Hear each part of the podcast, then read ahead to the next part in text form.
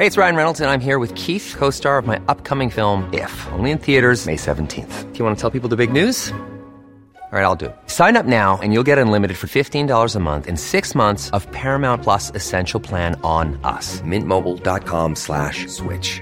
Upfront payment of $45 equivalent to $15 per month. Unlimited over 40 gigabytes per month. Face lower speeds. Videos at 480p. Active Mint customers by 531.24 get six months of Paramount Plus Essential Plan. Auto renews after six months. Offer ends May 31st, 2024. Separate Paramount Plus registration required. Terms and conditions apply if rated PG. When people are happy with risk and embrace risk, then by definition, uh, prices go high.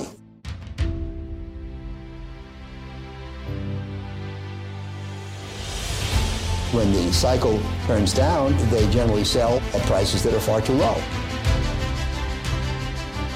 This is not about getting more information.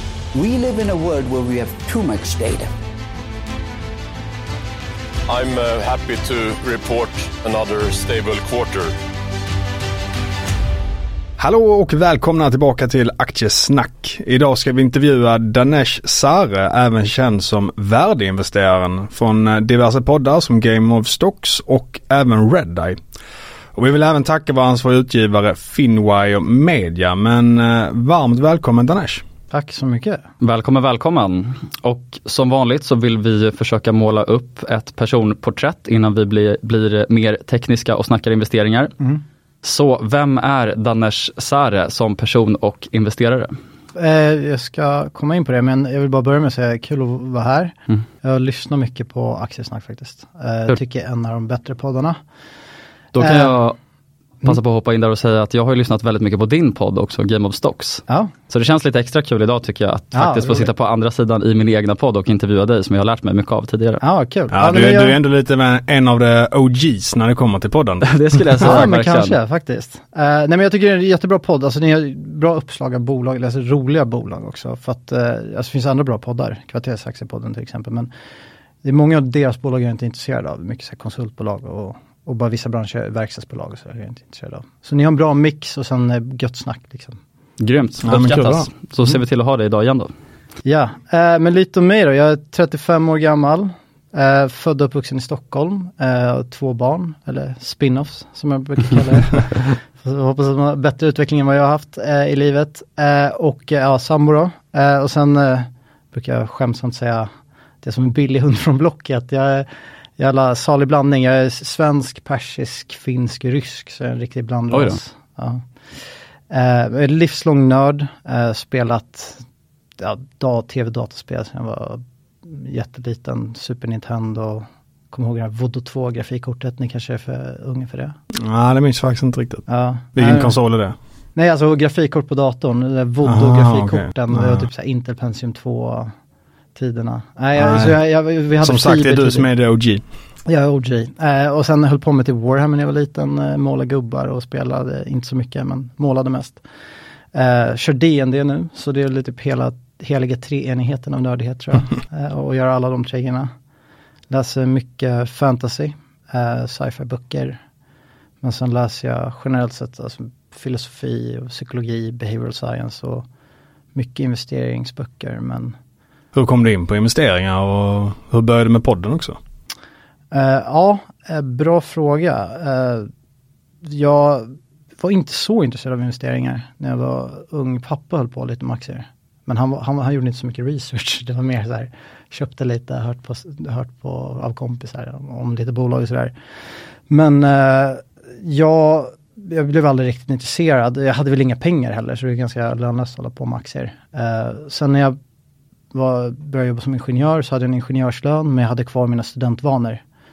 För lite Tyler Durden citatet från Fight Club alltid tilltalar mig. Den här People buy things they don't need uh, with money they don't have to impress people they don't like. Och, och jag har alltid tänkt så här, vad fan, varför spenderar man på så mycket materiella saker? Så, Så du jag- har lite deferred gratification-genen. Ja men verkligen, alltså jag, jag är en sån där som övertänker saker. Jag tänker liksom, va, varför dricka champagne när man kan dricka cava? Mm. Eh, och så är folk så här, men du, du, du bara inte, din acquired taste, bara, men varför ska jag acquire en taste som är dyr? Alltså, jag, jag har bara liksom aldrig förstått vissa saker. Så, så jag har alltid haft, alltså hade det inte varit för min sambo hade jag bara haft en madrass, en tv och ett Playstation typ. Eh, så jag är ganska, men low maintenance om man säger så. Men då, då fick jag ganska mycket överskottskapital. Och ville inte spendera det på materiella ting så då var det mer så här, vad ska jag göra med mitt kapital? Och började läsa på om investeringar. Blev intresserad direkt av någon anledning. Eh, och insåg att jag inte bara vill investera passivt, för det, det var ju det som var tipsen, liksom, så här med köp en indexfond.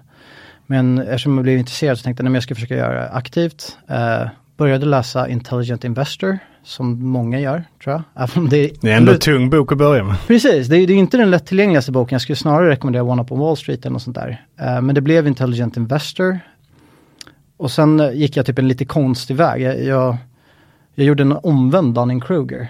jag tror jag hade lågt självförtroende i början och trodde att jag inte kan där. Så jag höll mig till ganska kvalitativa bra bolag som så Walmart, Apple och... Det är en av de första jag hört som gör det tror jag. Nej men det är det som är sjukt. Nej, men det roliga är att jag gick en omvänd Dunning-Kruger. Så i mitten av min resa började jag göra dumma misstag för att jag blev kaxig för att det gick ganska bra i början. För att jag liksom min introduktion till investeringar var, för att ta det försiktigt, var klok, det Buffett visdom. Sen fick jag någon Dunning-Kruger-grej i, i mitten där, gjorde massa tabbar. Jag gör väl fortfarande tabbar, men mindre. Och nu känner jag väl äntligen att jag gör lite mindre tabbar. Och... Hittat sweet spoten. Ja, men, men så jag började ju precis. Jag började med Graham, Buffett eh, och det är det jag tyckte var bäst med, det som du var inne på, det är ju en ganska tung bok. Men eh, jag tyckte Mr Market-delen var den som var mest fascinerande. När, man, när jag kom så gick jag helt utifrån börsen. Och bara, men hur fan kan det vara så här? Kan, kan det verkligen svänga så mycket? Det är väl kanske Mr Market och Margin of Safety skulle jag själv säga som är de liksom Mm. blytunga sakerna. Sen tyckte jag NetSnet var intressant, även om det inte går att applicera idag. Men jag tyckte det var Mm. intressant att man kunde liksom gräva i en balansräkning och hitta något som var värderat under de Mm. faktiska tillgångarna, fast det bara står där svart på vitt. Bara, hur, fan kan det, hur kan det vara så in, ineffektivt? Mm. Det är ju inte det idag. Svårt att hitta NetNet, men Men det här fick dig in på Twitter då? Ja, eh, så, så jag blev intresserad av börsen, eh, jobbade som ingenjör, eh, jobbade som beräkningsingenjör i sex år. Sen ja, började jag twittra, skriva, blogga om aktier, fick en följarskara, jag vet inte varför egentligen. Men jag skrev väl publikanalyser, men ganska mycket utbildande också. Och försökte lära andra, jag skrev någon fundamental analysskola som blev ganska populär.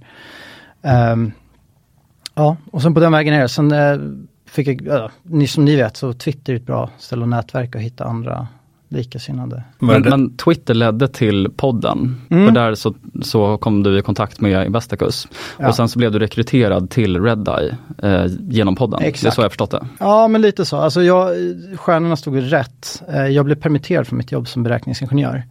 Eh, och sen precis då behövde Redda en gaminganalytiker och jag är livslång gamer och var superintresserad av aktier och ville pivota och egentligen göra något helt annat. Det är det klassiska, liksom jobba med sin passion så jobbar man inte. Eh, och, och just då så var Thomas Otterbäck eh, som är annan aktiechef eller analyschef på Redeye. Han hörde av sig och sa, men är inte du intresserad? Och så fick jag en chans där, vilket jag är jätteglad för. Och nu när du har eh, slutat på Redeye och kan berätta vad du verkligen tycker. Ah, Hur var det där då? att jobba? Jag har också Eh, varit där. Ja, men alltså, jag, jag har ju inget att jämföra med. Eh, men jag tycker alltså, det är en grymt bra kultur.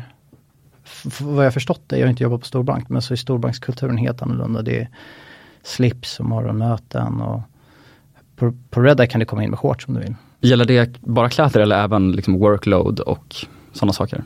Mm, jag har förstått att workloaden är, vi utan att nämna några, men jag har haft kollegor som har kommit tillbaka, som har gått till andra banker. Så, som egentligen tycker work-life balance inte är hållbar. Så jag skulle säga att workloaden är lite bättre, eller lägre, om man ska säga så, på, på Redeye. Men, Men det- eh, det men är- kulturen var bra. Eller, ja, det var, Ja. var frågan om, om eh, vad jag tycker egentligen. Ja, nej, men vad du tycker om det. Och jag, min reflektion var ganska mycket att folk var väldigt intresserade av aktier. Och det var en grej som var jävligt kul. Alltså, ja, för du jobbar ju där, eller? Ja exakt och vem du än pratar med så var de ju verkligen intresserade och brann för det i princip. Och det känns som att det, liksom, det är väldigt viktigt för Redeye att man har det, den inställningen och den kunskapen när man börjar där. Jag tror det är därför jag, eh, precis, jag fick en chans av, för att jag var aktieintresserad. Ja. Och jag tror att det är viktigt för dem att man är det. Så det är en väldigt rolig arbetsplats på det sättet också. Eh, jag tror att det finns många analytiker som inte är aktieintresserade eller intresserade av att investera heller. Ja nej, men verkligen. Så, Ja, att, man, eh, så det är kul eh, att se att det verkligen, jag tror att analyserna borde bli bättre också då.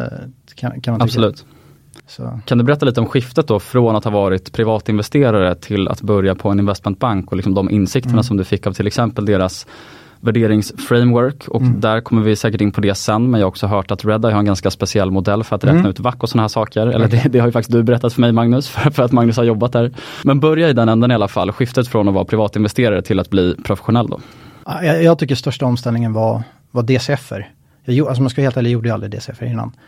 Eh, inte för att jag tyckte det var för svårt eh, eller så, men eh, jag såg ingen poäng med det egentligen. Och som aktieanalytiker tvingas du göra jobbet. Du tvingas göra de saker du kanske tycker är onödiga eller tråkiga och, och göra väldigt mycket gräv.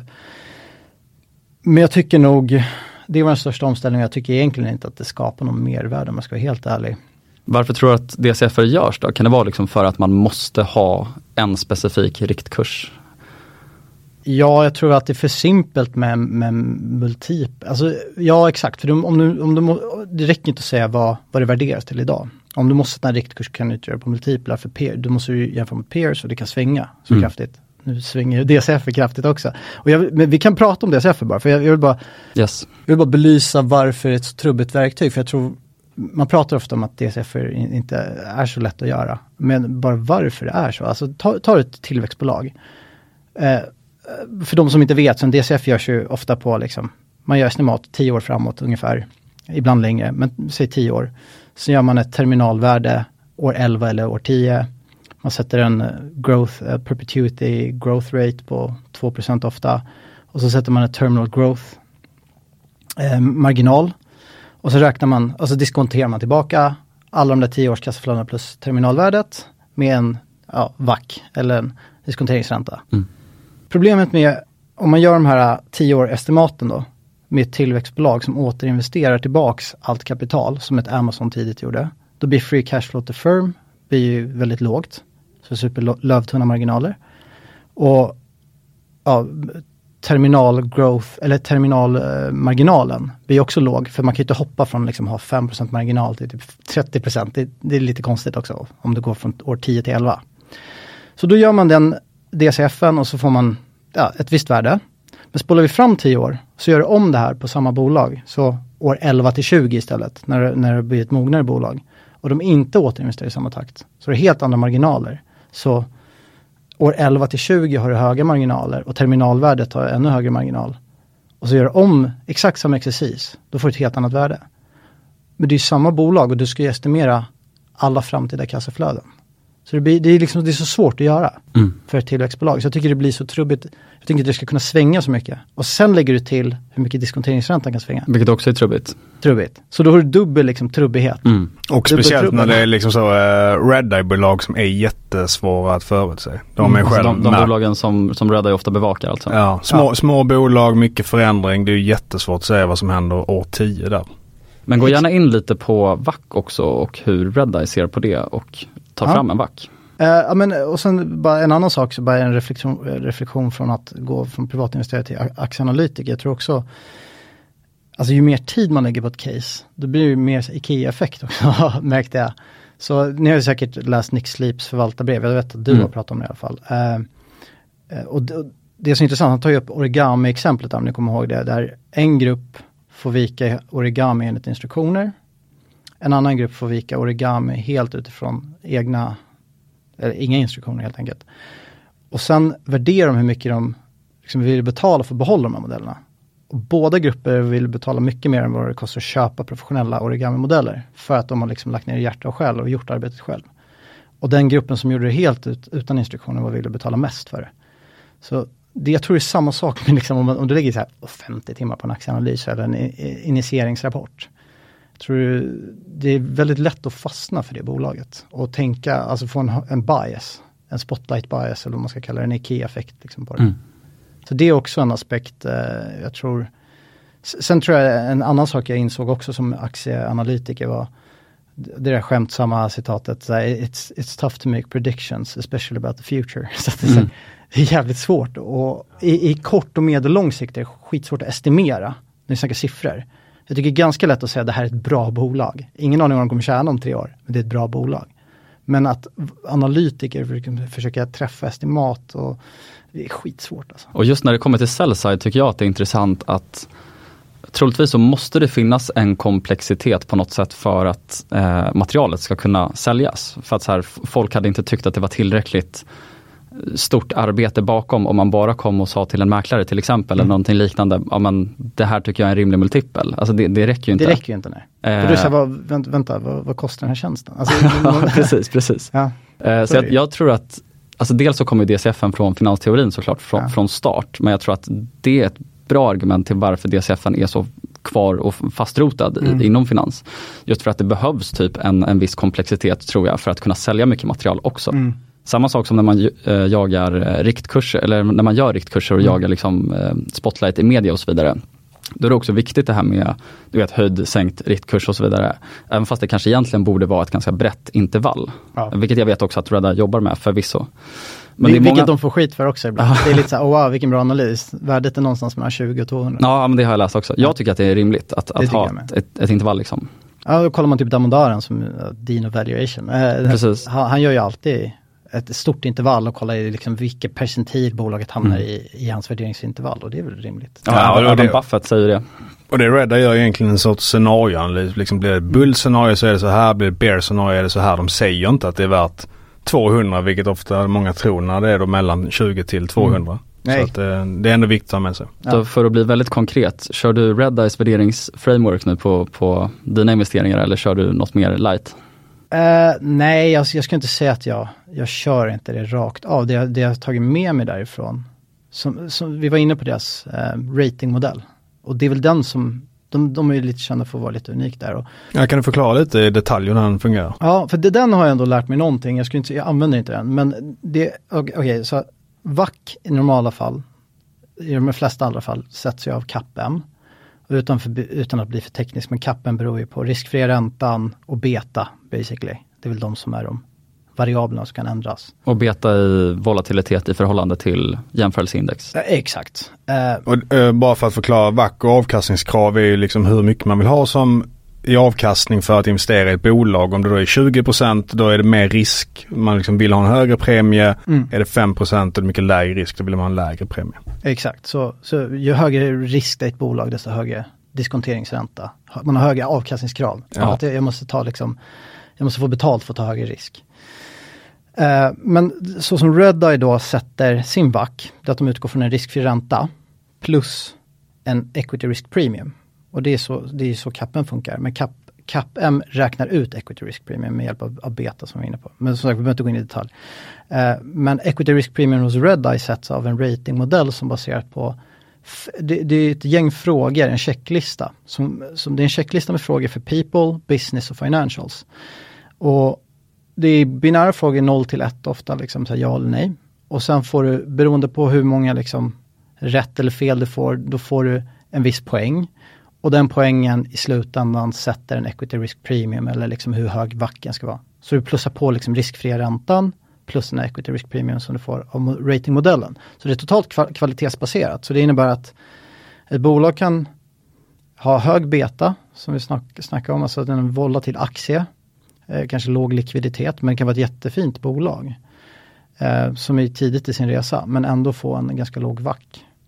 Ofta, ofta är ju bolag i i tidig resa har det kanske ganska svårt på financials, för det är mycket så här fem års, tio års historik av nyckeltal och det är ju svårt. Men man kan få jättebra poäng på people och, och business till exempel. Och, och de, den, eh, jag tycker det är ett väldigt sunt, alltså det, det kommer, fundamenta svänger ju mindre över tid än vad riskfria räntan och beta gör. För det problemet med, med CAPM är ju att riskfria räntan gick från 1% till 4,5% typ, eh, nu i närtid. Nu bara de senaste två åren. Och man kan om man vill, om man vill göra en sund värdering som inte svänger så mycket, då kan man ju faktiskt ta ett average på riskfria räntan. Säga så här, hmm, jag kollar 10 års snittet på riskfria räntan. Istället för att ta nuvärdets snapshoten, för jag tycker inte det är rimligt att den ska vara på 1%. och jag tycker inte det är rimligt att den ska vara 4,5 nu. Men vi säger att jag tror den är 3,5. D- Då har du ju en, en DCF som är mindre volatil. Men de flesta analytiker gör inte det. Sen, sen ett annat perspektiv på det, det är också att man kanske borde värdera ett bolag utifrån hur liksom, makromiljön ser ut. Att, Mm. att det kan vara ett korrekt framework. Att, att det är, alltså inte behöver vara ett problem att den blir volatil, för att vä- värderingen borde faktiskt ändras när till exempel riskfria räntan ändras. ja. Eh, Men det, det, så- så precis, det, blir- då blir det volatilt. Ja, då liksom. blir det volatilt, precis. Men det är då det blir konstigt om man säger så här, en DCF ska representera liksom alla framtida Mm, kassaflöden mm, och liksom diskontera tillbaks det. Och, och så blir det ju ändå en jättevolatil liksom jag tycker det är sämre. Jag, tycker, jag tycker det är bättre att ta ett average då. Men det är då den här kvalitetsratingen är mer konstant. Ja. Eh, så det blir inte lika svängigt. Och det, det gillar jag. Och det, jag tycker det är väldigt vettigt också att man värderar ett bolag utifrån kvaliteten i bolaget. Alltså det ska ju vara en skillnad på ett Fort Knox jämfört med någon liten oljeproducent och det ska inte bara ha att göra med betan i bolaget, alltså volatiliteten, hur mycket Nej. det svänger. Utan då ska man kunna liksom bedöma kvaliteten i bolaget. Och Precis. därifrån säga hur mycket bättre värderingen ska vara. Och det finns ju hur mycket studier som helst som visar på att beta korrelerar inte med bättre avkastning över lång tid. Mm. Så beta är inget mått på kvalitet. Nej men exakt. Det är en, det är en hittepågrej. Lite så. Och sen ett halvår tillbaka ungefär så jobbar du som Investor Relations Manager på Media and Games Invest. Berätta om din roll där och vad bolaget gör. Ja men som sagt jag jobbar som IRR. Eh, och ni hade ju Head of Investor Relations från Investor er podd. Stämmer. Ja exakt. Ja, och jag lyssnar, som sagt jag lyssnar på podden, jag lovar. eh, och han, han beskrev det ju ganska bra, eh, att, att det är, man är som en tvåvägsambassadör. Så då han, jag läste något citat om, en IR, eh, om IR-rollen, det vill säga balance internal aspirations with external expectations. Så att det är ganska viktigt att bolagets interna ambition och förväntningar från investerare att det, att det är ungefär en likartad bild. För annars, om det är för stor diskrepans däremellan så då har man inte riktigt gjort sitt jobb kanske. Um, så, och vad man gör rent konkret är väl, det, det är väldigt spännande jobb. Det är, ingen dag är den andra lik det, och det är mycket grejer som uppstår ad hoc. Det kan vara liksom, vi gör ett förvärv och måste pressmeddela det eller något annat pressmeddelande. Eller, sen skriver man ju årsrapporter, kvartalsrapporter och med, tar fram dem, skriver Hur mycket är du med i det arbetet och skriva kvartalsrapporter och liknande? Men det är ganska mycket. Eh, jag, vi har ju en Head of Investor Relations eh, också, så att han är mer delaktig i det. Eh, så jag har lite andra ansvarsområden, men jag är delaktig i det också. Men det är ganska mycket, man, man kollar över liksom, ja, vd-ordet och försöker få en bra story för kvartalet. Och, och sen är det mycket träffa investerare, gå på events, det är både institutioner och eh, eh, småsparare på events. Som Stora aktiedagen var jag på. Precis, jag tänkte säga det, bra pitch där. Ja, tack. Ja, vad, vad gör bolaget egentligen? det, det är det jag ska försöka förklara. Eh, ja men det är, alltså vi, är, vi är den ledande annonsplattformen i, i Nordamerika när det kommer till annonsering i mobila appar. Eh, och alltså, jag vet inte hur mycket ni använder mobila appar och, och hur mycket ni ser annonser där i, men eh, det, är, det är en ganska stor marknad, eh, runt 100 miljarder dollar. Och annonsmarknaden är cirka 900 miljarder dollar. Men trots att det är, så det är ju typ en, nästan en tiondel av totala annonsmarknaden. Men det är ändå väldigt underrepresenterat om man kollar på hur mycket tid man spenderar i mobilen. Men, det- men då går ni till mindre appskapare och Mm. erbjuder ert erbjudande till dem då? Ja, så här funkar det. Så att, eh, alltså, om, vi tar ett steg tillbaka, så annonsmarknaden har egentligen gått samma utveckling som börsen. Så, så vi jobbar med vad som kallas programmatisk marknadsföring. Så Eh, börsen så då handlar man sålde aktier över liksom, golvhandel och stod och skrek. Och nu sitter man ju elektroniskt eh, och, och handlar och det går på millisekunder. Och det är exakt samma som har hänt i annonsmarknaden. Förut tog en transaktion 72 timmar, upp till 72 timmar. Eh, om ett varumärke vill annonsera i Aftonbladet eller TV4. För det var träffas, eh, skriva ett kontrakt, eh, prata om liksom hur annonsen ska se ut. Och det är inte skalbart och det är inte hållbart när man har miljontals appar och hemsidor. Eh, så att det går inte att göra det här eh, manuellt längre. Så jag sa 900 miljarder dollars marknad, två tredjedelar sker digitalt. Men av den digitala sker cirka 80 då programmatiskt, så helt automatiserad handel. Eh, och vi, vi har då en annonssäljplattform, så vi jobbar på säljsidan. Så om man, om man tar det förenklat så har du en säljsida och en köpsida, som på börsen. Vi jobbar på säljsidan med de som säljer annonsutrymme, så det är publishers eller utgivare. Och vi jobbar ju mest med appar, men det, annars är det typ aftonbladet.se. Men eh, vi har lite webb också. Men eh, ett bättre exempel skulle vara Easybrain som är en kund till oss till exempel. Och Blockudoku till exempel, om vi säljer annonsutrymme i det spelet. Då har vi en integration med Easybrain, där vi har en SDK-fil. Eh, jag vet inte om ni vet vad Software Development Kit är, men men jag, jag tror jag fattar det är nästan. typ som en API. Liksom. Det, är, Ja. det är en integration liksom, med en fil som gör att vi får tillgång till deras data och de kopplar upp oss mot, våra, mo, eh, sig mot vår plattform. Vi får tillgång till liksom, information om annonsutrymmet, vilka, den användardata de har. information om innehållet, alltså vilket typ av innehåll det är och så vidare. Eh, och då lägger de upp deras annonsutrymme på våra plattformar, typ som en säljorder på börsen. Och vi är direkt integrerade med cirka 20 000 appar då och eh, får tillgång till förstapartsdata. Vi kopplar ihop oss mot annonsköpare, så de sitter på annonsköpsidan med plattformar på köpsidan. Eh, och vi är kopplade mot cirka 85 sådana köpplattformar. Det är en ganska fragmenterad marknad. Och där sitter alla annonsörer och lägger upp sina köpordrar kan man säga. Så det är annonskampanjer. Så, så ta ex exempel, vi säger Adidas vill köpa en miljon annonsvisningar i England. De vill targeta 25 till 35-åriga män som är fotbollsintresserade. Och då råkar vi ha ett spel, eh, typ som ett, tänker football manager-spel, ett mobilspel. Så fort en användare som matchar deras kriterier, säger 25-årig man, går in i det spelet, då skickar, skickas en annonsförfrågan då från den appen till vår säljplattform. Och vi skickar den vidare till de här köpplattformarna. Och den annonsör då som tycker att den här annonsen är värd mest, kommer buda högst. Och i det här fallet blir det Adidas för att det matchar deras kriterier. Det är liksom 25-årig kille, fotboll, England. Så det är ett auktionsförfarande. Och vi, vi tjänar pengar genom att vi tar en revenue share. Så att eh, vi tar 15 till 20% av vad annonsbudgeten är. Så säg att Adidas spenderar 100 spänn, då tar vi 15 till 20. Sen tar de, de som opererar den här annonsköpsplattformen ungefär en liknande katt. Så. Det låter ju väldigt eh, skalbart, så hur ser marginalstrukturen ut? Ja, men det, det är skalbart. Eh, det, om vi ombordar fler kunder så behöver inte vi Nej, jag, jag anställa liksom att... fler. Det är self-serve modell. Liksom. Det är inte, mm. Vi sitter inte och managerar allting. Det, vi, vi gör vissa så costbase borde ju liksom kunna hållas ganska låg i takt med att revenue ja, ökar, tänker jag. Absolut, det är väldigt skalbart. Så att om, om intäkterna ökar med 50% behöver inte vi öka mm. kostnader. Mm, nej, en del av kostnaden kommer att öka, datakostnader och så trafik. För mm. vi, snackar, vi levererar 700 miljarder annonsvisningar per, per år, alltså det är enorma mängder. Så att eh, absolut, eh, vi har en, en, en, en liten variabel cost structure men mycket av det är fixt. Och hur har den här GDPR-förändringen påverkat det? Har det gjort mycket? Uh, ja, men uh, och sen har du IDFA från Apple. Ja, exakt. Så man måste ju förhålla sig till de reglerna och, och de lagarna. Men vi har ju som sagt, alltså konsentad, alltså ska man säga, med, vi har fått medgivande från kunder och eh, Eh, vi följer all, alla de reglerna och har gjort det från början. Jag tror att alla de här integritetslagarna kommer bara göra det lättare för de som har förstapartsdata. Så typ Meta och Google och de som har mycket data. Det blir ju bara som en moat nästan, för du måste ha mer jurister för att liksom klara av alla regler och lagar. Och vi har också mycket förstapartsdata i och med att vi har en direktintegration med de här 20 000 eh, apparna. Eh, och det finns många som säljer annonsutrymme som inte har en integration direkt, utan de bara säljer vidare annonsutrymme. Så de, de har inte liksom samma första partsdata. Så det de som har första partsdata blir vinnare i längden.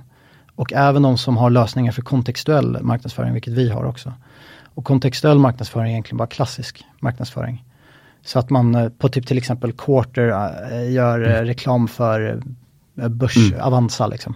Ja. Det är kontextuellt, att du vet ju att det är en aktieintresserad person som hur har det varit med konjunkturen för annonser? Så har det liksom gått ner pris mycket nu under? Mm. Eh, alltså det, det, är ju direkt kopplat mot eh, BNP-utvecklingen ja. i princip. Men den är väldigt elastisk. Så den, ibland går den ner, den går ofta ner bara minsta, på minsta tecken av oro. Eh, så till exempel corona drogs det i, eh, annonsbudgetar in direkt, för det är det du kan dra in snabbast på. Utan att liksom, det är ju svårare att sparka folk och, och göra drastiska åtgärder. Eh, så det har, det har ju påverkat mycket och jag tror CPM som vi, det är som man möter liksom snittpriser på annonser. Eh, snittpriser på annonser har gått ner 20% 20-30% i år. Och vi vet ju inte, det, det är ingen recession här egentligen, men det är mycket oro inför, så då drar man in på annonsbudgeten. Är det 20-30% från toppen då eller är det liksom ja, under year on year. Ja. Och det är väl topp ja. i princip. Men det här med förstahandsdata blir väl också rätt eh, centralt, alltså i men den här IDFA-förändringen tänker jag, det såg mm. vi inte minst på Alphabet och Amazon till exempel och deras ads businesses mot Meta till exempel. Mm att eh, alltså Alphabet som är moderbolaget till Google, de äger ju ekosystemen liksom som Exakt. Android och eh, Chrome och har då mer förstahandsdata. Mm. Eh, samma sak som Amazon via deras egen e-handelsplattform och så vidare. Medan Meta inte har haft det på samma sätt, samma struktur och deras topline blev ju väldigt, väldigt eh, drabbad på kort sikt av det. Och jag såg att Exakt. eran topline chart, den har ju varit ganska linjär uppåt. Det, det, liksom, det syns väl att ni inte har blivit drabbade Äh, av för om, man just det. tar, om man tar Meta, Mm. förra året så hade ju de negativ tillväxt. Ja, Medan vi hade... För första gången någonsin tror jag. Exakt, Ja, och vi hade 18% organisk tillväxt. Mm. Och det är som du säger, Meta har ju inte, de har ju mycket förstapartsdata på deras användare såklart. Mm. De har extremt mycket förstapartsdata. Men eh, Amazon har ju precis startat sin ad business och har mycket liksom retail-data. Så det, det, det gynnar ju dem ganska bra. Precis. Eh, så att även om, även om Meta har mycket förstapartsdata så tjänar de väldigt mycket på få den här extra datan från IDFA-identifieraren som sitter på telefonen. Exakt. För det innebär att de, de vet inte, inte nog med att de vet vad deras användare gör på deras plattform, för det vet de ju fortfarande. De visste liksom vad en iPhone-användare gjorde på, under hela liksom resans gång på telefonen. Men det Ja, behöver de ju konsent för nu. Exakt. Mm. Och jag tror senaste datan säger väl att opt-in är väl kanske så här, mellan, det är svårt att veta exakt, men mellan 25 till 40 procent optar in och, och ger tillåtelse. Tidigare var du tvungen att aktivt opta out och det var det nästan ingen som gjorde. Så, Mm. att, så att det är ju det. Alltså, Ja. Så att vinnarna blir de som har bra förstapartsdata och kan parera det här också. Meta har ju gjort en del ändringar så det verkar gå Mm. rätt bra nu.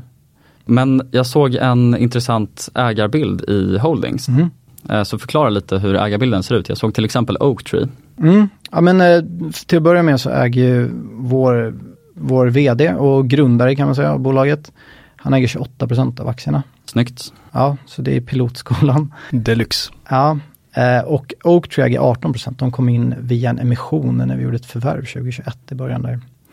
Eh, och det är ja, lite kuriosa, det är bol- bolaget som Howard Marks grundade.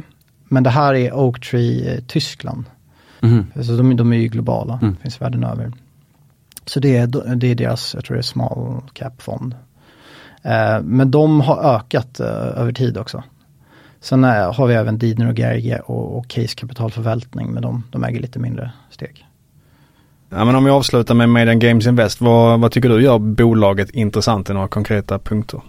Ja, men alltså, vi verkar på den, som sagt, den programmatiska annonsmarknaden eh, och den, för det första växer annonsmarknaden med 5-6% per år, liksom kagger om man kollar analys. Och sen växer den digitala, tar, tar marknadsandelar av den totala och den programmatiska tar marknadsandelar av den digitala. Så vi kan liksom växa i tre led och marknaden för in-app-annonsering väntas växa med 11% kagger mellan 2023 och 2027 tror jag. Eh, sen är det väldigt höga inträdesbarriärer. Eh, för vi har en stor mängd som jag sa, direktintegrationer med 20 000 appar. Alltså det är enorma eh, mängder eh, publishers du ska liksom knyta an med, få en integration med eh, och bygga upp ett, ett liksom nätverk. Det tar tid.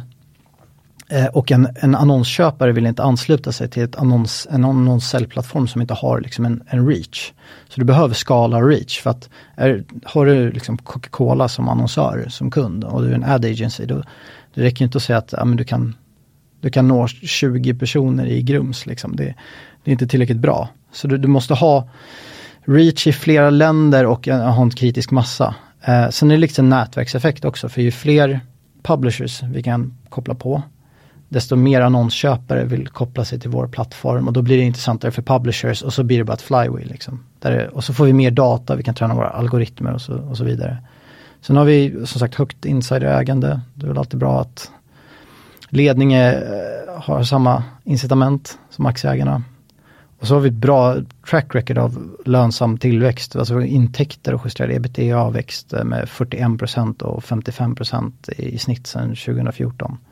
Det är, det är mycket förvärv där, absolut. Det är 30 förvärv eh, som har gjorts, men vi växte organiskt förra året 18% och året innan det 38%. Snyggt, men då går vi över lite mer till eh, nördfrågor om investeringar. Eh, hur ser din investeringsstrategi ut? När du heter värdeinvesterare på Twitter så börjar man ju ana lite. Ja, precis. Den har väl utvecklats. Jag tycker väl all investering är värdeinvestering egentligen. I grunden är det svårt att säga att man ska köpa något bolag man tycker är värt mindre än vad man köper det för. Men eh, inte klassisk värdeinvestering kanske. En intressant grej, jag- det tycker jag var jätteintressant, är än en gång gå tillbaka till Nick Sleep eh, förvaltarbrev. Jag tror Bill Miller, de citerar Bill Miller i det brevet. Eh, där han säger att alla investerare, eller det finns tre, tre olika typer av edges. Så du har informational edge, analytical edge och behavioral edge. Och om jag ska börja där så skulle jag sätta mig själv i facket i, i behavioral edge. Jag tror bara alla är väl födda olika liksom och miljö och liksom uppväxt och allting. Och, eh, och, och jag har alltid känt att så här, jag inte blir så, jag har lätt att hantera liksom stormiga situationer. Så när, när portföljen är liksom 40-50% vilket har hänt så tycker jag faktiskt inte det är så jobbigt. Eh, jag blir mest bara frustrerad att man inte har mer pengar att köpa för. Men informational edge tycker jag också man kan ha, men det är svårare liksom i, i, idag. Kanske den absolut svåraste idag. Det tycker jag. Eller jag ty ja, precis. Analytical edge kan du ändå ha genom att läsa på mer, speciellt mm. i mindre bolag. Absolut. Det är också lite informational edge mm. i och för sig, men det är nästan lättare att ha en analytical edge tycker jag. Men jag tycker behavioral edge är det som är absolut mest, alltså så här, Meta, 90 dollar för ett halvår sedan. Nu 300 dollar. Effektiva marknadshypotesen. Eh, där, och, och, då var det ändå jobbigt att köpa. Jag köpte själv på 90 dollar. Det, det var rätt kul för jag tror att vi, vi släppte ett poddavsnitt dagen efter Meta eh, slog i botten. Mm. Och då pratade jag om att jag var så jäkla köpsugen men jag köpte, köpte aldrig. Mm. Big, big mistake. Precis, och jag köpte, men om jag ska vara helt transparent, jag köpte på 180, jag köpte på 150, mm. jag köpte på 120 och sen kände jag bara så här, jag, jag, jag, förstår inte. Och det är, ofta, det är ofta när jag känner så här, jag förstår inte det här. Det är ofta då de bästa köpen har uppstått i mitt liv i alla fall. När jag bara säger, jag fattar inte marknaden. Jag, jag tyckte att dock att jag förstod reaktionen. Det vill säga så här, eh, då var det ju metaverse som var i centrum och typ att Mark Zuckerberg skulle vara skitdålig på kapitalallokering helt mm. plötsligt och bara skulle bränna all deg och sen så hade vi IDFA också mitt i allt det. Så det blev som att det var, det var ganska tydligt att storyn i alla fall ändrades väldigt, väldigt mycket på kort sikt. Eh, så att jag, jag gillar ju snarare mm. att titta på det så att så här kan jag fatta varför den här reaktionen är så kraftig. Ja, det tyckte jag att jag kunde göra och att den potentiellt var missbedömd. Men jag agerade ja. inte ändå. Men, men, det är det här som är intressant om vi då ser på metaexemplet mm. ur, ur det här, i den här linsen då, informational, analytical behavioral edge. Informationen, alla hade ju tillgång till den. Men alla tolkar den helt fel tycker jag. Så mm. om du kollar analytical edge, narrativet var att han spenderar allt på metaverse. Så kollar du egentligen hur lite det var på metaverse. För, för de gick in i, i konfkallet och liksom detaljerade på deras capex och sa så här, men det är ganska lite metaverse. Det mesta är typ, vad heter det, AI och datacenter. Och, och sen typ sex månader efter blir det en AI-hype. Och då har de liksom sex månader innan det blev en AI-hype sagt att de lägger massa pengar på datacenter för att träna algoritmer och AI. Och så, då typ rusar aktien på grund av det. Och alla capex, eller nedskärningar gjorde också såklart.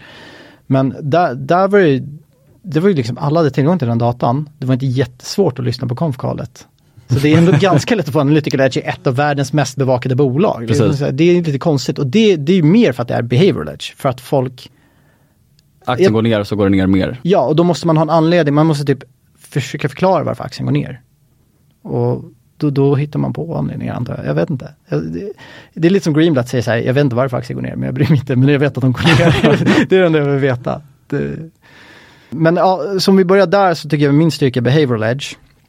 Och jag vet att ni pratar mycket om Greenblatt till exempel. Och jag, min känsla i alla fall är att Magnus, du, jag vet, du har väldigt bra track record. Eh, du är den enda som sitter och lever på dina investeringar. Så, eh, men du, vad jag förstår det som, är ganska aktiv och kör mer special situations än vad du gör. Absolut, sen har ju Magnus ganska mycket mer tid än vad jag har också. Exakt, och jag kommer komma till det. Och det, det är det som är intressant, för jag tror att jag, som har studerat ändå historik rätt mycket och, och liksom läst mycket aktieböcker. Jag tror Greenblatts liksom, track record på 45-50% Jag tror bara du uppnår det, precis som Buffett också gjorde i början av sin karriär, genom att ha, jag vet att ni har pratat om det här, special sits med hög omsättning. Men det kräver att ta mycket tid, Eh, jag tror också har en hög felmarginal där, eller att, att det finns en större risk att jobba med det. För att varje gång du säljer eh, en special sits, du gör liksom, du köper Duni till P10 och det blir P14 och du gör 40% Då ska du hitta nästa idé. Och mm. man har bara rätt 6, 7 av 10 gånger. Och det kan man ju se på min portfölj i år, då var det några minor om man säger så. Ja, så att det, det, blir ju det när man liksom har många investeringar i många olika sektorer. Då blir det naturligt att det blir fler fel och det blir också många rätt. Men då gäller det att rätten är större än vad förlusten är. Men, men det, det, säger lite sig självt också det här, ska man nå Greenblatt returns till exempel så kan du inte bara köra buy and hold. För det är in, typ inget bolag i hela världen som kommer köra typ 40-50% kagger. Alltså du kan, du kan inte bara köpa kvalitativa bolag och rida med dem hur länge som helst. Alltså då ska du träffa till exempel typ Amazon. Nej. Vil, vilket inte kommer hända. Nej, alltså över tid, de, bolagen kommer ju alltid utvecklas i princip spegla vad de har för return on equity. Det är bara rent matematiskt så. Mm. Över lång tid. Och det är inget bolag som har en return on equity på 50% i 20 Nej, år. precis. Så, så det är ju typ 20% ungefär, 20-25% de bästa bolagen ligger på. Och jag är nöjd med det. Jag är nöjd med 20-25% absolut. Men som du säger, för att komma över det måste du köra mer aktivt. Eh, jag har inte tiden eller magen för det. Det passar inte min personlighet att vara så aktiv. Jag gillar inte att sitta och second guessa mig själv och tänka så här, fan, Duni borde gå upp till P14, det är 40% avkastning, den ligger på P12 nu, men det andra bolaget på min bevakningslista känner jag har ännu större uppsida, ska jag switcha nu eller inte, tänk om jag har fel i, i det caset och så här, det, det passar bara inte mig, men, och jag är nog inte så bra på det. Vissa är jättebra på det, som Greenblatt och Magnus kanske. eh, men det passar inte mitt psyke och jag tycker inte heller det är lika kul och tillfredsställande. Så jag tycker man måste hitta det som passar en själv. Och sen om man inte då kör special sits med hög omsättning, det näst bästa sättet att få bra avkastning är ju i princip små tillväxtbolag. Också ganska hög execution risk. För att, speciellt om, kanske inte om du går på lönsamma små tillväxtbolag, men det är ändå rätt hög execution risk när du går ner på små, småbolagslistan. Om det är så här kortare historik, inte lika beprövad affärsmodell ofta. Och så vidare. Så det är en execution risk där också. Men jag har väl då landat i, jag gillar tillväxtbolag, eh, lite mindre men lönsamma. Men också kvalitetscompounders och det kan vara ganska stora bolag. Men när man bara känner så här, det spelar ingen roll att de är stora, de kan nog ändå compounda 20%. Vad har du för exempel där? Du har Meta vet jag, vad har du mer? Du har Eh, gaming va Jag har också? inte så mycket meta kvar faktiskt. Eh, för att, nu tycker jag det är en ganska fair value. Men okej, en kvalitetscompounder, typ Evolution. Mm, Det är väl definitivt. typiskt. Och det är också något jag också älskar som jag ändå gillar och inte betala för mycket heller, är ju growth at a reasonable price tycker jag är absolut bästa. För att det är inte ofta du får lägen att köpa tillväxtbolag billigt. Men det tycker jag är de absolut bästa investeringarna. Jag, jag köpte typ Apple till P10, typ när Buffett köpte dem. Mm. Liksom back in the day. Tyvärr så håller jag ut mig för tidigt som jag, som jag ofta gör. Men, men det är de bästa affärerna. Typ när man kan köpa ett, en compounder som kanske växer 20% närmaste 10 åren för P15. Liksom. Det händer ofta. Mm. Nu, nu har du typ ett sånt läge i Evolution. Det är nästan P15, 17 kanske. Ett annat kvalitetscompounder som inte är billig, men jag vill ta upp den för det är, det är lite så här hidden case tycker jag. Eh, ni, har- ni kanske har hört talas om det, men Topicus. Nej, faktiskt inte. Nej okej, det är ett sjukt intressant bolag. Det är, Constellation Software är de bästa kvalitetskomponenterna. Typ, eh, alltså riskjusterat skulle jag säga att det är den bästa kvalitetskompounden eh, de senaste tio åren. För att om du kollar beta då, om det är ingen, även om det inte är mått på kvalitet så eh, inte heller på risk tycker jag. Men om man kollar, den, den har haft typ lägst beta, jag tror den största drawdownen den har haft är typ 25-30% bara. Eh, och har enormt bra aktieutveckling senaste tio år, åren och de har spinnat av två bolag. En av dem är Lumine Mhm. Group och den ena är Topicus. Och det är intressant med Topicus att de kör exakt det Constellation Software gör i Europa. Och det är alltså investera i VMS-bolag som är Vertical Market Software. Och det innebär att det är en mjukvara som endast gör en väldigt smal grej. En, en väldigt smal nisch, en mjukvara som inte är horisontell, alltså den går inte över flera sektorer. Så det kan, jag tror ett exempel jag hört ofta är, kan vara mjukvara för bowlinghallar. Ingen nyexad från Handels tänker så här, fan jag ska göra nästa iPhone av liksom mjukvara för bowlinghallar. Och det kanske blir en för liten marknad också för jättar att ge sig på. Så det liksom gör att det blir mindre konkurrens också. Ja men tammen är liten, ingen tycker det är sexigt. Och egentligen, det, det, det som är intressant då med modellen är, så som Constellation har gjort den, att de, de köper en vertikal, så typ mjukvara för bowlinghallar. Och det är så Vitek jobbar också, som är en jättebra kvalitetscompounder i Sverige. Eh, och de kan ofta vara dåliga, de här mjukvarorna. Det, det kunderna till och med tycker att det här är kass, men det finns ingen konkurrens, det är liksom monopol. Men, så de köper typ mjukvara för bowlinghallar, köper några, de rollar upp hela den sektorn som kanske äger 40% av sektorn. 50%, 60%, det är så från monopol inom sektorn. Och så låter de också de eh, managerserna in, inom liksom det segmentet hitta, liksom, för de har ju ko- koll på branschen, liksom sköta den roll-upen, så det är lite decentraliserat också. Som Constellation. Exakt. Och, och Topicus kör exakt samma DNA fast i Europa. Och Europa har, har utmaningar för att det är väldigt lokaliserat. Så du måste typ översätta, det är, det är inte samma språk. Nordamerika är så lätt liksom. Det är så här, allt är på engelska. Så du kan bara ru- rulla ut det och upsella. Och, men det ger ju också en inträdesbarriär. För om du börjar lokalisera, du kan ju liksom köpa en jättebra mjukvara och börja lokalisera till andra länder och ta marknadsandelar och sådär. Så, så det skapar komplexitet men också möjligheter. Eh, så Topicus är superintressant. Eh, men den handlas i typ ev-ebitda 25-30. Äger du aktier? Ja, ganska lite dock. För att det är också en grej jag gör med min investeringsstrategi. Liksom jag, till att börja med kollar jag på ett case och, och kollar så här, hur mycket kan jag allokera portföljen till det här? Så, alltså oavsett, alltså maximal allokering, så är ett biotech-case, det, det sysslar jag inte med bara som ett exempel. Då kanske jag tänker så här med 3% För det är permanent loss of capital, jag kan förlora allt i det här. Det, jag kan inte det här. Eller bitcoin säger vi. Så jag kanske bestämmer från början att det är 2-3% Så kollar jag på Evo som jag bedömer ganska låg risk, Eh, för att det är ett moget bolag och så vidare, bra historik. Då kanske jag tänker, ja men jag kan max ha 20% av väskan i det här. Men då gör jag det i, i mental, det här är inget liksom jag sitter och gör i Excel, men mental modell i, i princip att så här 20% som maxallokering.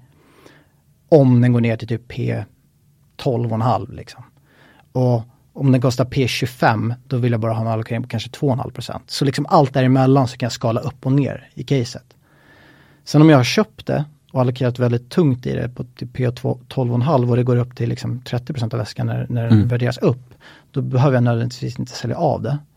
För att jag, tänk, det, jag tänker bara på min cost basis. Liksom, är där. Men så, så jobbar väl vi lite på samma sätt skulle man kunna säga Magnus? Ja men jag håller med, det blir den här värdeinvesterad dimensionen i det. Liksom att ju billigare caset blir ju mer köper man egentligen.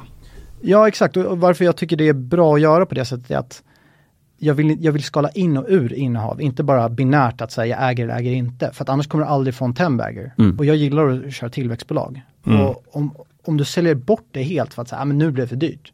Då får du aldrig en tembagger. Så att om Evo går till P30, då kanske det är bara 5% av väskan. Eh, och då kanske det bara vinsten kvar. Liksom. Men då får den bara rida vidare.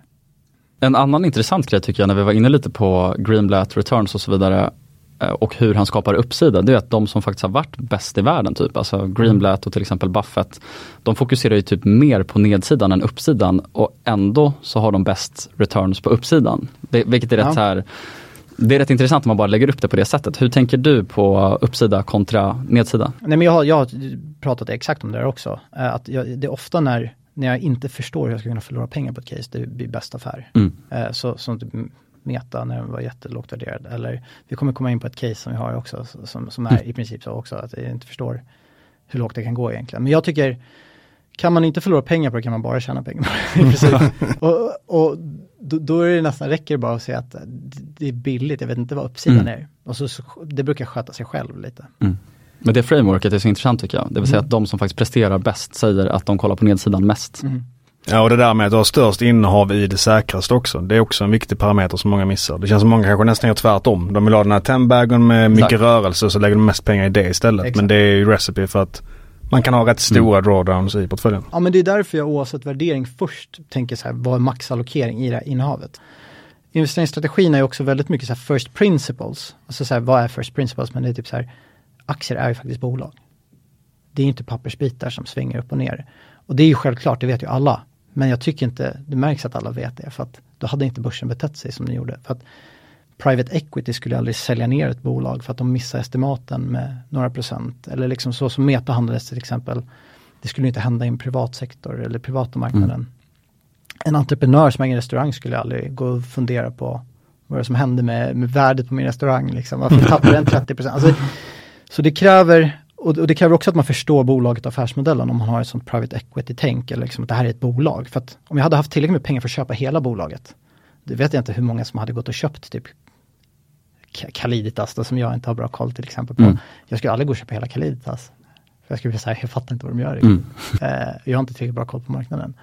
Men jag skulle typ kunna gå och köpa ja, men Walmart. Till mm. exempel om jag var megamiljardär. Men så det tycker jag är ganska viktigt att ha med sig också. att om jag inte ville köpa hela bolaget, då kanske jag inte ska köpa aktien. Det är en klassisk princip från Buffett ju. Mm, ja, det är lite, eller precis, han har ju sagt det mm. i princip. Mm. Så jag har väl gått liksom från traditionellt värde, typ låg PE bara, eh, till, det skulle kunna vara Betsson eller något sådär. Nu är det lite tillväxtcase också vet jag. Men sen har jag gått mer, ja men kvalitet compounder, tillväxtbolag, Du har gjort en Buffett-resa helt enkelt. Ja, fast skillnaden är att Buffett gjorde det för att han också kanske fick för mycket kapital. Det, det, jag har inte det problemet. Men värderingsprocessen när du investerar privat, det är alltså multiplar? Ja, eh, så att eh, jag, jag kollar ofta LTM-multiplar. Eh, bara kolla vart, hur läget är idag. Kolla historiken bara för att kolla på, behöver jag normalisera någonting? Är det ett special, special case just nu? Sen gör jag kanske prognoser en, två, tre år framåt. Eh, normaliserar om det behövs. Eh, och sen sätter, ibland sätter jag en multipel tre år framåt. För att jag tycker det ska handlas till en multipel och sen gör jag en IRR istället Mm. för att sätta en diskonteringsränta. Så gör jag en IRR och bara, ja men det innebär så här hög avkastning.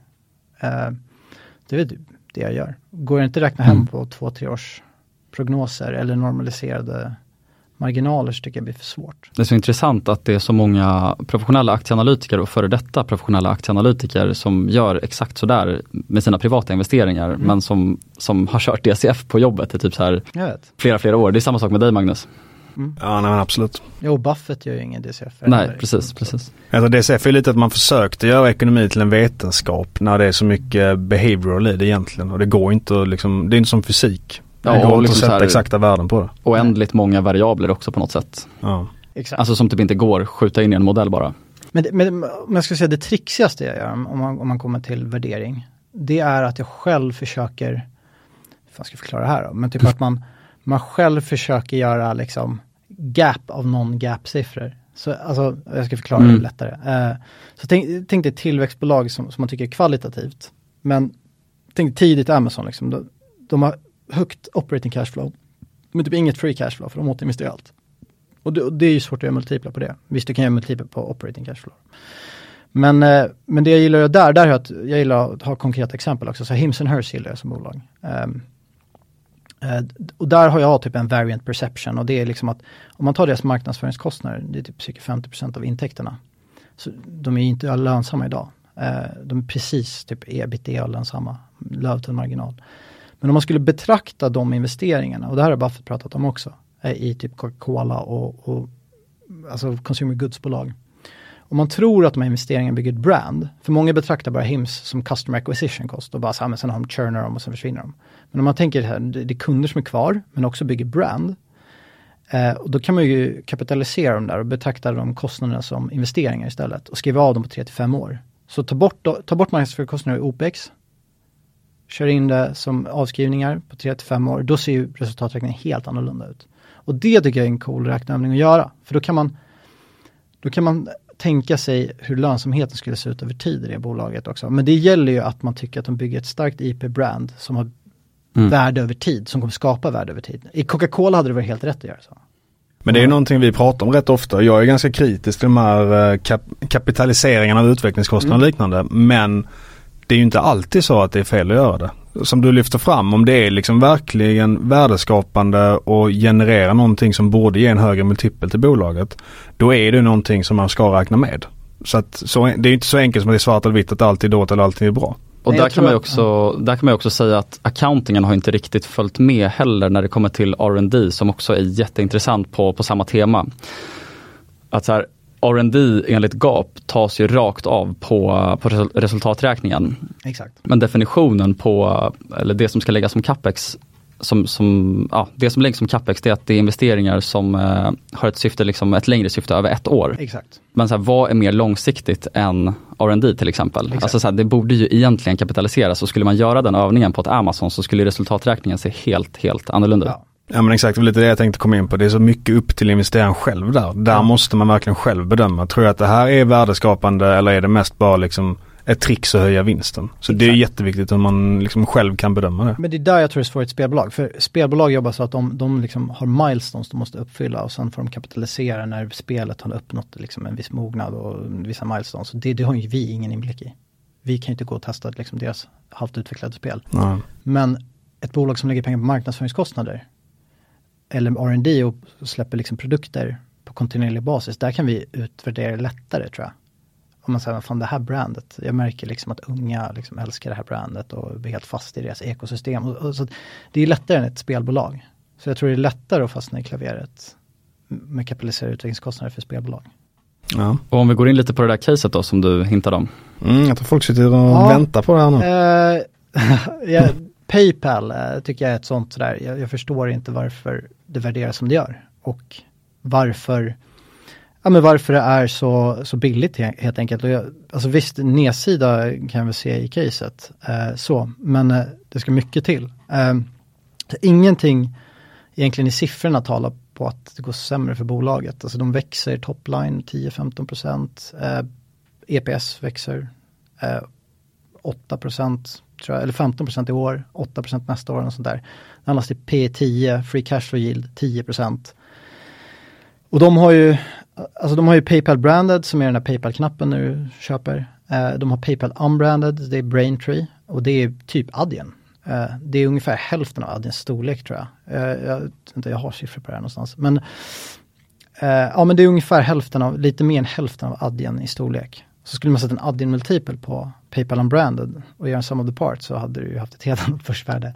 Eh, det kanske inte är rätt att göra, Adyen kanske är mycket bättre. Men Adyen har till exempel, hade, jag vet inte, jag tror fortfarande Uber som kund i vissa marknader, men Paypal unbranded har också Uber som kund. Spotify, så, så egentligen alla betallösningar när du går in och typ betalar med Uber, säger vi, och det inte står Paypal eller någon annan betallösning, då är det en, en liksom white label-lösning från antingen typ Adyen eller någon konkurrent Stripe eller och Paypal unbranded har ju ja, med Ad, eh, Uber som kund, Apple Pay, Messenger, Spotify, Google, Airbnb, Live Nation, Hjälp, TikTok. Eh, och väckte den, liksom, den delen av bolaget växer 25-30% per år. Och den står för cirka 30% av liksom, totala payment volume.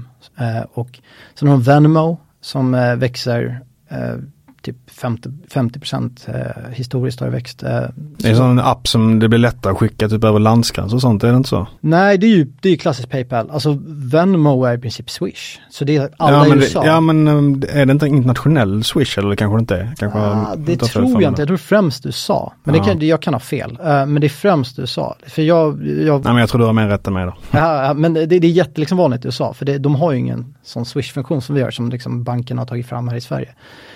Så att eh, där får du använda Cash App eller, eller Venmo. Och Venmo har ju blivit ett verb liksom. Eh, så bara, can you Venmo me? Eh, och de har ju störst, eh, absolut störst eh, market share när det kommer till peer-to-peer. Eh, och det, det är cirka 20% av payments volume. Eh, och sen har de ju branded som är den här klassiska Paypal-knappen. 30% av total payments volume, växer 20-25%. Eh, så att Alltså det är nätverkseffekter i det här, det är starka moats, jag menar det kräver trust, alltså man vill inte lägga ut sina kortuppgifter på för många ställen heller. De kan bygga en superapp där, där du liksom kan ha Venmo, du kan ha sparkonto, du kan köpa krypto, de kanske lägger till stockmarket pratar de om nu.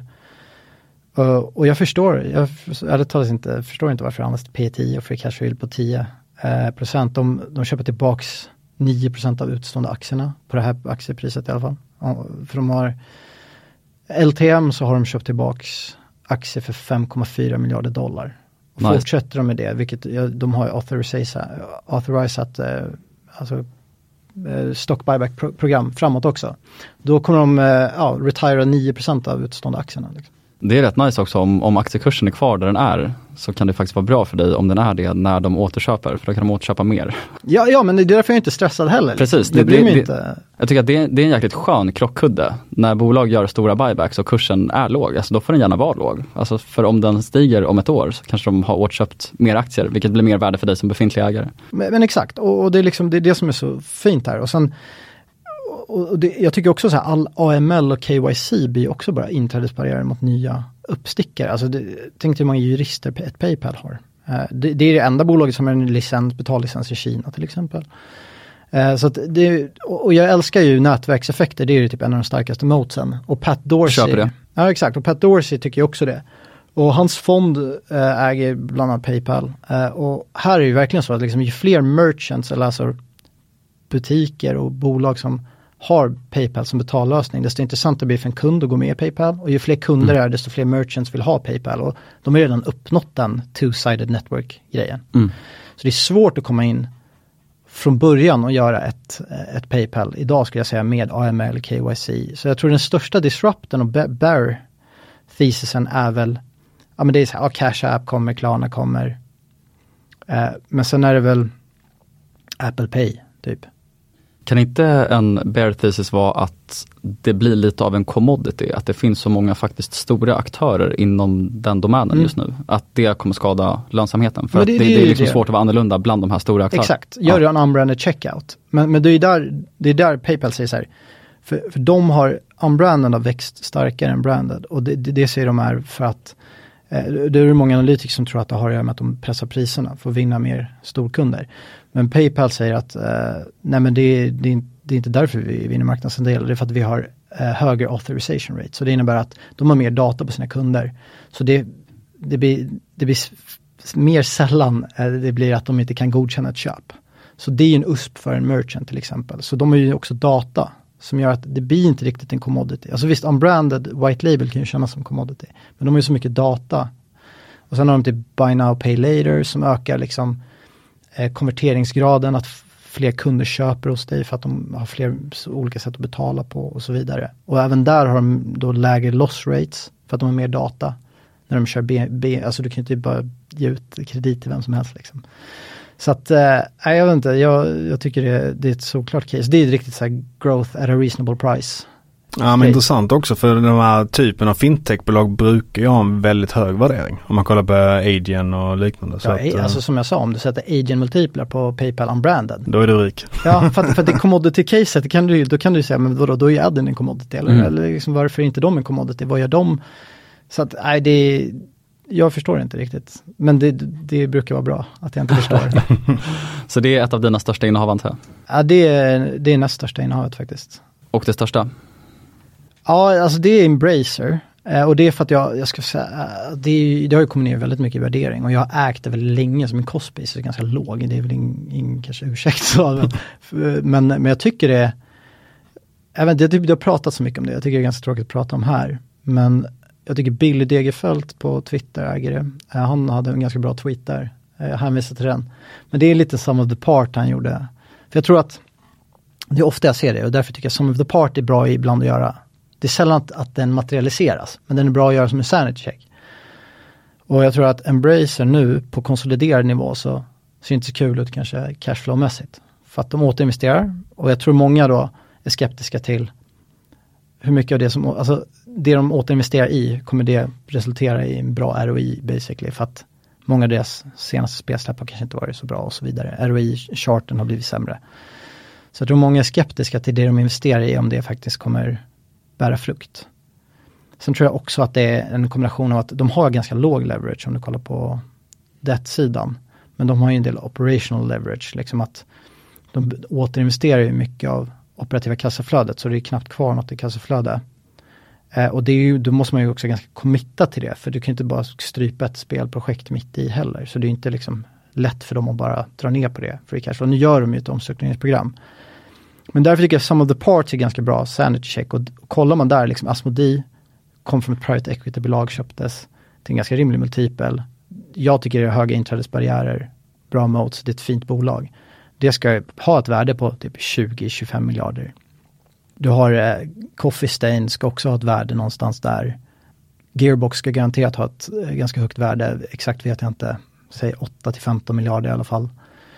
Så gör en sån som of the part så är, ser det alldeles för billigt ut om du backar ut skulderna. Vad är börsvärdet idag?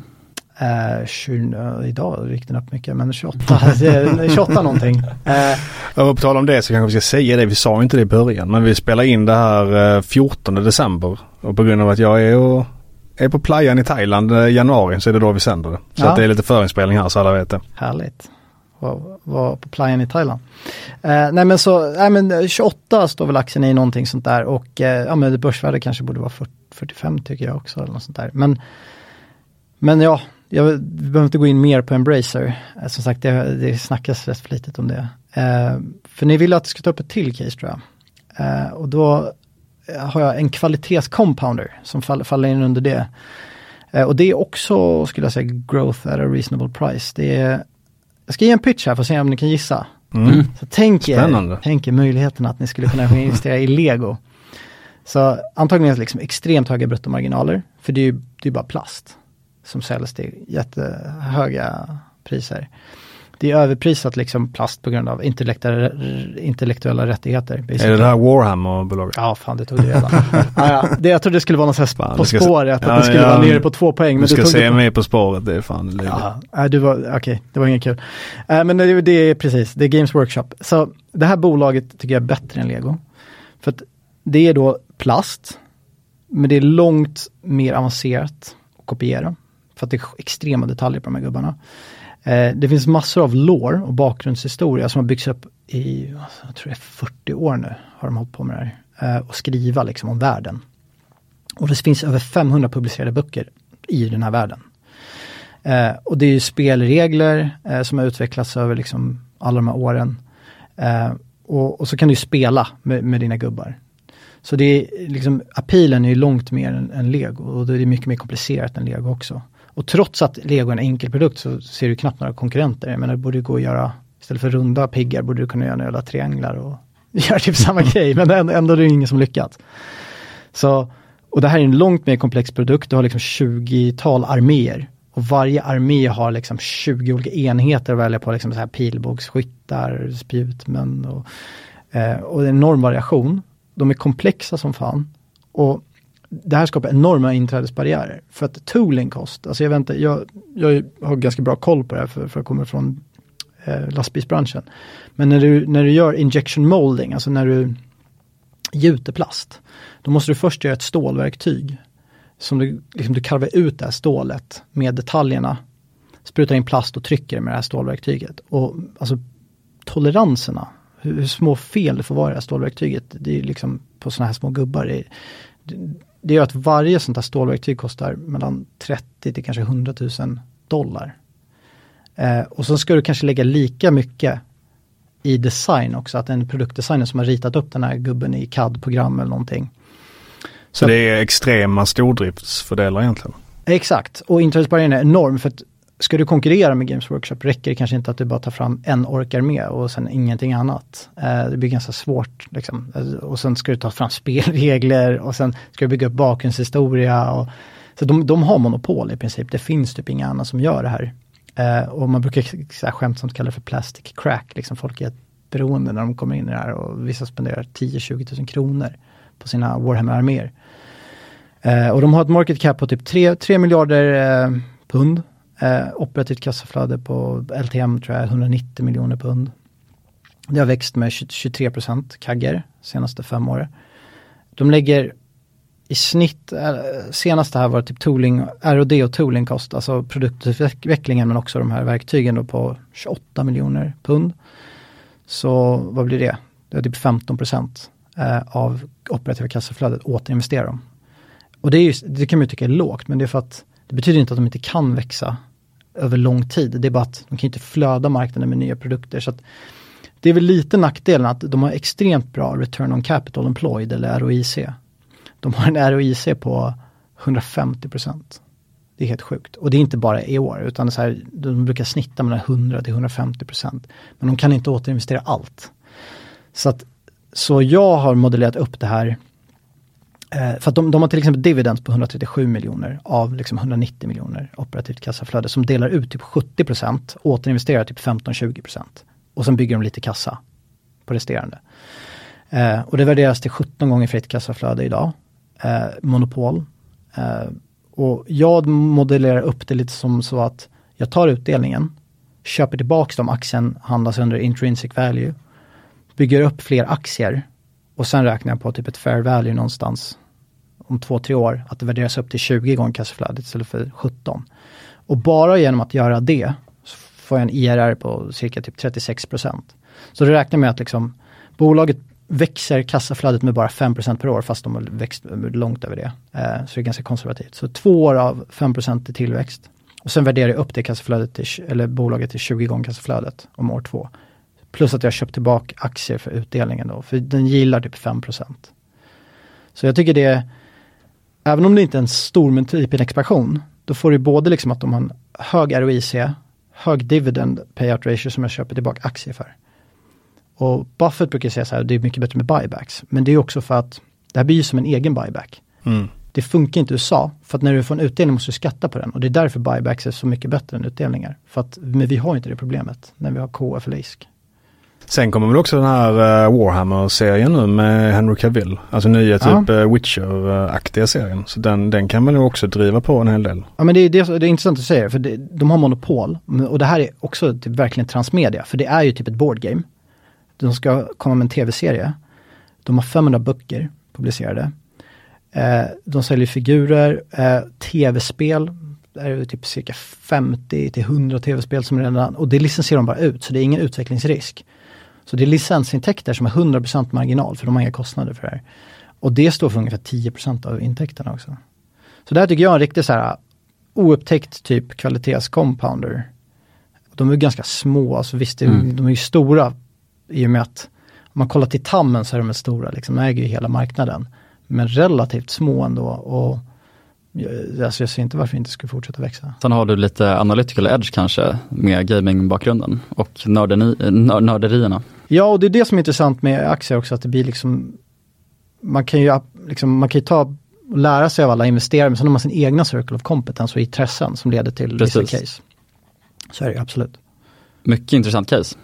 Ja men verkligen mycket flera intressanta case skulle jag säga. Uh, Okej, okay, men vi kan ta avslutande fråga här. Om du får ge ett tips till en nybörjare på börsen och ett till en mer erfaren investerare, vad hade det varit då? Mm. Um, ja, jag vet inte, jag, jag, jag, jag har nog kört några citat redan. Jag gillar citat, jag vet inte varför. Jag, ty jag tycker, jag tycker typ information sätter sig bättre när man har ett citat. Liksom. Jag håller med. Ja, men det är bara att köra på med. Ja, så jag, och jag gillar stoicismen som jag snackade om innan. Så jag tycker ett bra citat för nybörjare är The object of life is not to be on the side of the majority but to escape finding oneself in the ranks of the insane. Och det, det är från Mar Marcus Aurelius. Jag tycker det är ganska intressant, alltså det att inte dras med av formmentalitet och liksom nästa nya grejer, alltså typ en AI nu till exempel. Jag säger inte att det är dåligt, det kan säkert vara jättebra. Men det kan också vara tråkigt att investera i Nvidia på, på de här nivåerna. Jag, jag, jag vet inte, men det kan vara bra att inte ryckas med i alla fall. Men det eh. kommer ju i princip, i princip varannat år som en klocka så kommer det ju någon hype som går alldeles för långt. Det var cannabisbolag för, vad var det, sex år sedan. Exakt. Två år innan dess var det gröna energibolag och så vidare. Så att, eh, Precis. Det är inget dumt citat. Nej exakt, så det är väl, det tycker jag är väldigt bra för att det är också lätt att det blir en halo-effekt. När man, man, man tror alltid att liksom en expert, expert eller analytiker eller något man tror lätt att de vet så mycket mer än vad man själv gör. Men det är inte alltid fallet. Och speciellt ekonomi är så, det är så svårt, liksom, det är ingen vetenskap. Så nej, jag, jag tror att det, det, är ett bra, sen också ett bon, en bonustips då till nybörjare skulle väl också vara buy, buy quality, cry once. Jag tror man gör livet ganska enkelt för sig om man håller sig till kvalitetsbolag. Även om det kan vara tråkigt. Ja, men jag tycker det är ett bra tips till nybörjare definitivt. Ja men grymt. Eh, fan jävligt intressant avsnitt. Intressanta intressant. case. Uh, Tackar. Jag får vara med om en liten uh, lögn också. Att jag var löjligt bra på På spåret. Det är jag inte. Det är för mycket kulturfrågor. men jäkligt kul att ha dig här Danesh och stort tack för din medverkan. Ja tack för att jag fick komma hit och lite kul att få dra lite case och grejer för jag har varit så tvärtyst på Twitter. Så att nu vet folk att jag lever och tänker. The comeback och... of the värdeinvesterare. Jag, jag har sett ja. det när du har pitchat på Twitter så har du skrivit typ så här, ja ah, nu har jag varit frånvarande så länge så ja. nu måste jag skriva någonting. Typ. Ja. så, sen så kommer någon liten rant typ. Ja för jag blir här, stressad. En, en, gång per kvartal eller någonting. Ja jag blir stressad av att jag har 20 000 följare. Ja. Varför? Jag måste bidra med något värde. Men ni får bjuda in mig så, för jag är mycket bättre muntligt skulle jag säga än skriftligt. Så då får jag prata om lite. Absolut. Ja men det var grymt, eh, grymt kul att prata med dig. Stort tack. Tack, tack så mycket. För att komma. Så hörs vi igen om två veckor. Ciao ciao. ciao.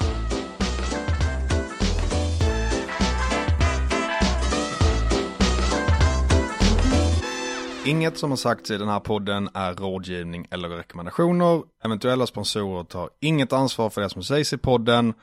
Gör alltid din egen analys och alla aktier är förknippade med risk. Imagine the softest sheets you've ever felt. Now imagine them getting even softer over time. That's what you'll feel with Bowl and Branch's organic cotton sheets. In a recent customer survey, 96% replied that Bowl and Branch sheets get softer with every wash. Start getting your best night's sleep in these sheets that get softer and softer for years to come. Try their sheets with a 30-night guarantee. Plus, get 15% off your first order at bowlandbranch.com. Code BUTTERY. Exclusions apply. See site for details.